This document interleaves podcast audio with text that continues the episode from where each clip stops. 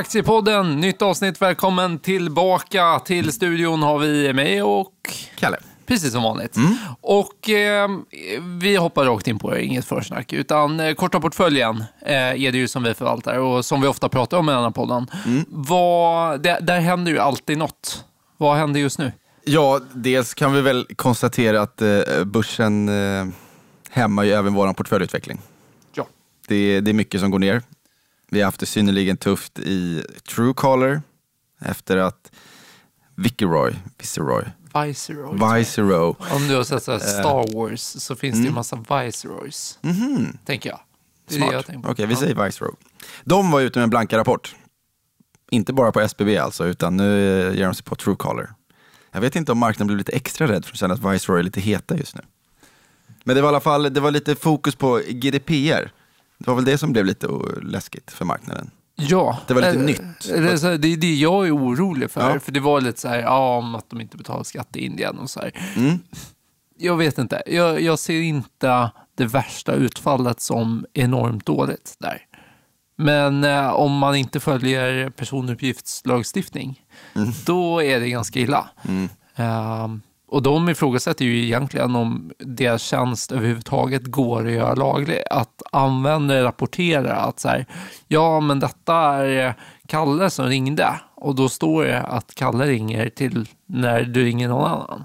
Eh, och då ju, finns det ju dina personuppgifter som inte du har godkänt för att någon annan har lagt in det. Så det är lite spännande. Eh, bolaget ska ju svara på detta har de sagt. Eh, så det väntar väl vi in. Ja, vi känner väl oss väl, eh, vi, vi känner väl att vi väljer att göra så. Faktiskt. Aktien var ju ner alltså 20% som mest igår. I en så kallad flash crash. På en minut så var den ner 20% och sen var den ner 10%. Men det gick väldigt fort. Men jag vet inte om det är något som Viceroy gör när de handlar. För det, eh, när de gick in i SBB blev det också en sån här flash crash. Precis där i början. Eh, jag vet inte om det är något som de, att de... För, för så, så här är ju ovanligt ändå. Det var ju lite som flashcrashen på Stockholmsbörsen. Det var ju inte på grund av. Viceroy, men nej. eh, det var ju också spännande. Ja, ja men stökigt. Ja, Truecaller är stökigt och ja, det, vi vet ju att det är stökigt runt om också. Det är inte jättekul just nu måste man ju säga. Nej, är nej. att vara på marknaden. Och vad var det som hände igår i Storbritannien som ändå lyfte börsen och sänkte räntorna ordentligt? Alltså det var det största räntenedgången på- en dag sen jag vet inte när. Nej, och det var ju så här, vad sa vi, 30 punkter i USA, typ 15 punkter i Sverige och i Storbritannien var det över 100 punkter som räntan föll igår. Och det var ju det här att eh, deras centralbank började göra lite QE, återköpa eh, statsobligationer igen. Eh, vilket ju känns jättemärkligt. Och, eh, här, att hänga med på denna krusidullen är eh, svårt, för då var det ju logiken att deras nya premiärminister eh, satsar fram, vad var det, 551 miljarder kronor i skattesänkningar. Det är mycket pengar. Det är mycket pengar. Eh, och eh, sen så, och då blir marknaden osäker för Storbritanniens ekonomi, mer eller mindre. Och eh, då så stiger räntorna.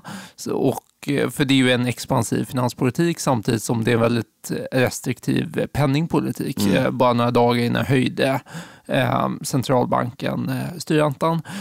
Och sen så blir det så konstigt då, för då går de in och stödköper statsobligationer och det är ju en expansiv eh, penningpolitik. Men det är lite, det tar ner risken i eh, hur man prissätter eh, Storbritanniens statspapper. Ja.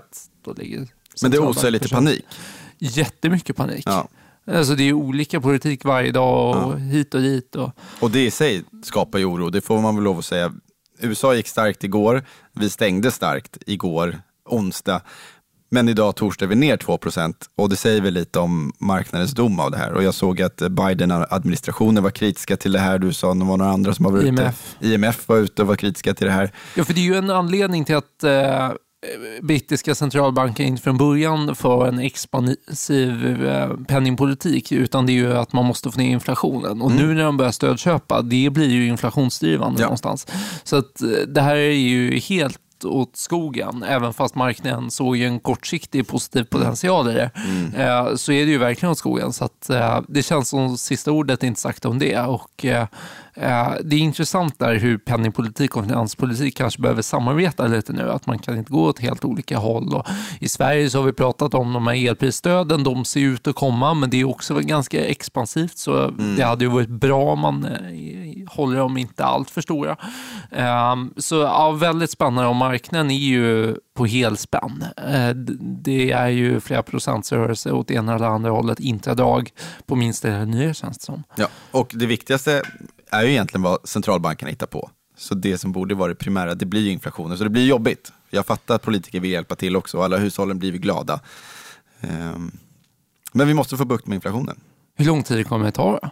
Vad tror vi? Nej, jag vågar inte gissa. Nej, Alltså, vissa pratar om att, vi kommer, att det kommer vara deflation redan vid årsskiftet. Det låter ju helt sjukt. Och det låter faktiskt. ganska aggressivt. Ja. Men det är ändå vissa som pratar om det. Så det känns svårt, men, ju, men just nu så är marknaden fortsatt livrädd för högre räntor. Ja, Och det klimatet som det medför. Och veckans så här, spränga gasledning och Mm. sådär, det kanske inte riktigt skapar en deflations, eh, ett deflationstryck Nej. på ekonomin. Nej. Om det ska bli ännu svårare att importera gas. Nej. Inte för att det kommer jättemycket gas genom Nord Stream de senaste nu, veckorna ändå, men eh, det är ju inte positivt på något sätt. Ja, vi fortsätter följa marknaden, men det är extremt oroligt.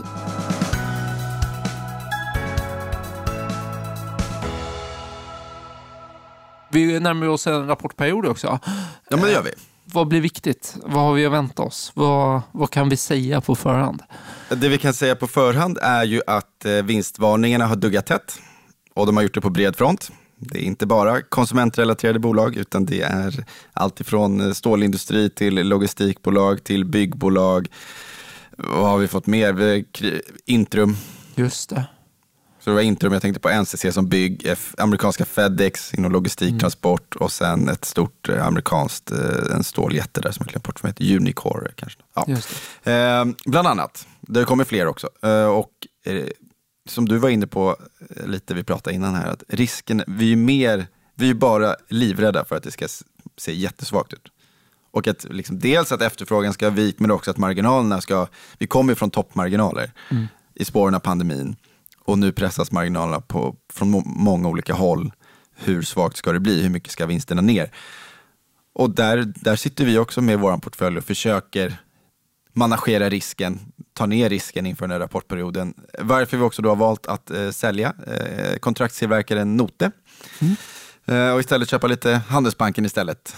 Just det. Mm. Vad, vad var tankarna där med Note? Ja, men i- egentligen så är det ju en, det är en story som vi gillar och var därför vi tog in aktien från början. Och, men, men, men kort och gott, väldigt stor Europa-exponering, eh, fabriker i Europa, eh, mot, det är mot industri, det är mot lite spritt, sådär, olika sektorer. Det känns som att det har sett väldigt, väldigt starkt ut senaste kvartalen, men hur starkt kommer det se ut nu? Och då kändes det bättre att ta ner risken i portföljen och istället köpa någonting som vi vet kommer se bra ut. Det känner, vi kan väl se oss, känna oss väldigt trygga med att Handelsbanken kommer komma med bra siffror framöver. Tittar vi på banksektorn, det är väl få sektorer som kan leverera en positiv vinstrevideringstrend just nu. Men det ser vi i, i bankerna och Handelsbanken. Alltså vinsterna skruvas ju upp. Och, det- och det är mycket tack vare räntan. Ja, man har ju helt plötsligt börjat tjäna en väldig massa pengar på inlåning. Ja. Eh, pengarna på vårt sparkonto som ökar just nu, det blir ju alltså, det ju, känns ju lite konstigt, men man ökar ju sparandet och framförallt på konto i sådana här tuffa tider. Och det tjänar ju bankerna riktigt bra pengar på nu, för sparräntorna börjar komma in, men på många konton så är den fortfarande nära noll. Och eh, bankerna börjar faktiskt tjäna en del där. Så det är ju kul för de som äger bank. Eh, men eh, mer på Note eller Note, vad, vad heter de egentligen? Jag säger ju Note, Ja, jag brukar säga men det Note. kanske är Note. Det är någonting utav det. Ja. Eh, och visst har de lite fabriker i södra Europa också och där blir det lite spännande med utblicken, tycker jag, på elpriset och dess påverkan. Mm. Ja. Det är ju stort även i Sverige, men i södra Europa så är det jättestort, eller södra, det räcker att åka till Tyskland. Ja, ja, verkligen. Nej, men så det är väl det att vi är rädda för en squeeze från flera håll egentligen. Ja. Och, då, och då räcker det inte med, vi tycker att aktien ändå ser, ser hyggligt värderad ut efter att ha fallit ganska kraftigt, men om det negativa sentimentet hänger kvar Eh, dessutom, det är inte ett jättestort bolag heller. Eh, ah, det känns bättre att kanske, kanske avvakta lite. Och sådana här stora långsiktiga trender som home sourcing och så här, det faller ju lite i det kortsiktiga perspektivet. Ja men precis. Ja men för det är en av våra långsiktiga take och det, är inget, det har ju många pratat om just eh, i spåren av den deglobalisering som vi ser just nu. Eh, I spåren av krig och annat. Eh, att vi ser den trenden bli allt starkare. Man, man vill, och efter alltså, allt, allt problem som vi har haft med leveransstörningsproblem i spåren av pandemin. Man vill gärna ha sin, sin produktion närmare för att kunna kontrollera den bättre. Och det gynnar då en kontraktstillverkare som Hansa eller Note.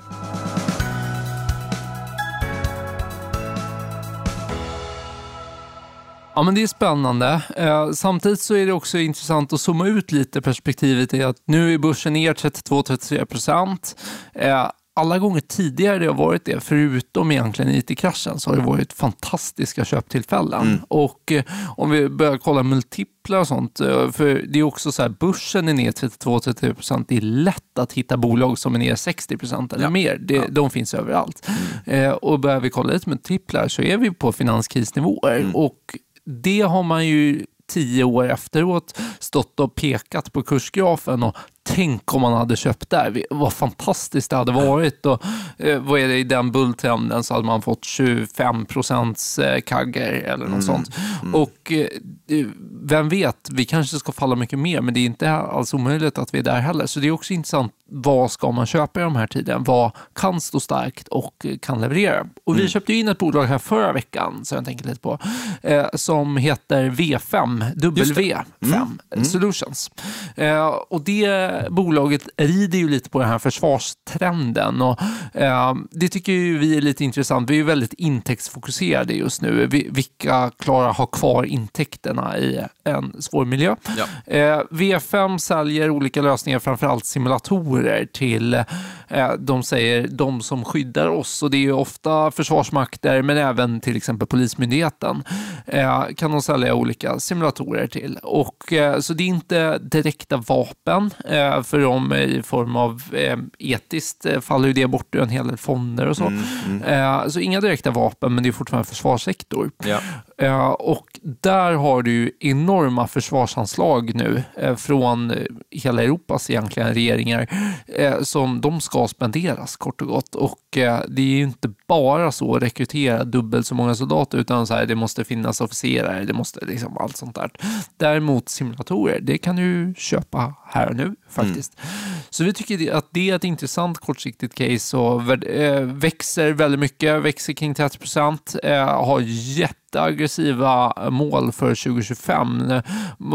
Bolaget omsätter, nu tar jag bara från skallen så citerar jag mig inte exakt, men 150 miljoner idag. De ska omsätta 500 miljoner 2025 och har 11 procent marginal idag och eh, ska ha 15 procent marginal 2025. Och eh, de har bara varit noterade i två kvartal, men eh, under de här två kvartalen så har de tydligt överpresterat analytikernas förväntningar. Eh, och det är också en härlig trend att börja med. Mm. Eh, så de ingår. Och aktien har fått en flygande start också, ska tilläggas. Ja, hur mycket är vi upp? Ja, jag tror upp 20 procent va? Härligt. På en vecka. Det är en bra start. Så det, var, det var skönt. Det behövdes eh, med tanke på Truecaller och eh, även SBB ska ju tilläggas. Det är tungt. Det är tungt. Men kan vi bara hålla den här trenden med 20 procent i veckan så... ja, ja. Nej, men och sen har vi också en ganska stor kassaposition fortsatt vilket vi känner oss trygga med. Lite varför vi kanske valde att sälja av Note också var för att få loss kassa utan att behöva använda vår, vår, vår redan befintliga kassa. Så att, så att eh, kassapositionen är intakt trots mm. att vi väljer att fylla på i Handelsbanken. Och i Handelsbanken var vi tydliga med att vi såg att eh, aktien såg började se lite trött ut på uppsidan och då valde vi att ta hem lite vinst och nu har den kommit ner 6 kronor från 96 till 90 och då väljer vi att eh, köpa igen för den, den delen som vi sålde förut. Just det. Så en liten tradingposition där. Det är ju korta portföljen trots allt. Ja, det är ju korta portföljen trots allt. Och apropå på det så kan vi bara ta upp, AstraZeneca har ju varit väldigt seg att äga på slutet. Tanken var att den skulle generera lite stabilitet i portföljen i, i stökiga tider och börsen har varit stökig men aktien har varit svag. Och eh, så här, det är väl inget fundamentalt i caset som har förändrats men jag tror att dels aktien var upp 40 procent i år. Så att, jag tror att det är en kombo av vinsthemtagningar samt att vi ser ju ganska mycket utflöden överallt. Det kan ju vara ETF eller fonder. Och, så jag tror lite all, allmänt säljtryck och vinsthemtagning efter en väldigt stark eh, utveckling so far under året. Men nu så har den aktien ändå så här, aktien har funnit ett stöd och ett motstånd vid 1200 kronor tidigare. Eh, så att även om aktien ser ganska trendsvag ut och har brutit igenom både 50 dagars och 200 dagars glidande medeltal så kan vi tycka att kursgrafen ser ganska... Det, det känns okej okay att ägaren här fortsatt. Då vi, alltså vinstgenereringen här, vi pratar 15-20% vinsttillväxt kommande åren för ett totalt ocykliskt defensivt jättefint AstraZeneca. Um, ehm, så därför känns det okej okay att ägaren fortsatt, tycker jag. Och därför var det glädjande också att aktien, jag tror det gjordes några avslut på 1200 kronor och sen studsade aktien tillbaka upp igen. Så vi hoppas att det är någon typ av botten då. Vi håller lite utkik. Det hoppas vi. Och det är ju en lite intressant trend att eh, i början av en nedgång så är, känns det som att det är många sparare som flyr till så kallade defensiva aktier. Mm. eh, och sen när nedgången blir lite värre så flyr de ur aktier istället. Eh, och eh, har pengarna på konto istället, säljer allt. Vilket vi ju såg under pandemin också, ja. om jag inte missminner mig. Exakt. Då har vi en extra rusning till typ Axfood. Mm. Um, och, det, och det har vi sett nu också. Tills, tills de fick en säljrek och delade ut eh, några kronor och aktien föll, har ju förfallit 15-20 procent ja, tror jag. Uh, för jag skulle precis säga det, att så här, Axfood är ju verkligen en av de klassiska defensiva aktieägarna mm. som många har flytt till och mm. nu som man ser börjar lämna igen. Men stora skillnaden på Astra och Axfood är ju att Astra är rimligt värderad och Axfood är skitdyrt. Ja, ja. Eh, så därför känner vi oss trygga med att äga Astra. Det är inte ett bolag som ska handlas på multiplar kring liksom 5-6 så att det Nej. finns inte oändlig nedsida där, tror vi. Men eh, det är väl korta portföljen som den ser ut just nu. Mm. Svårt marknadsläge, eh, snart rapportperiod. Vi har lite krigskassa till... Eh, jag är sugen på att handla på rapporter. Mm. Ja, det jag är redo också. Ja. Det ska bli kul. Vi har många möjligheter framöver, men eh, fram tills dess så hoppas vi att ni följer med oss i våra inlägg på sajt och sociala medier och allt vart vi är. Och så hörs vi igen om två veckor. Det gör vi. Ja. Tack för oss.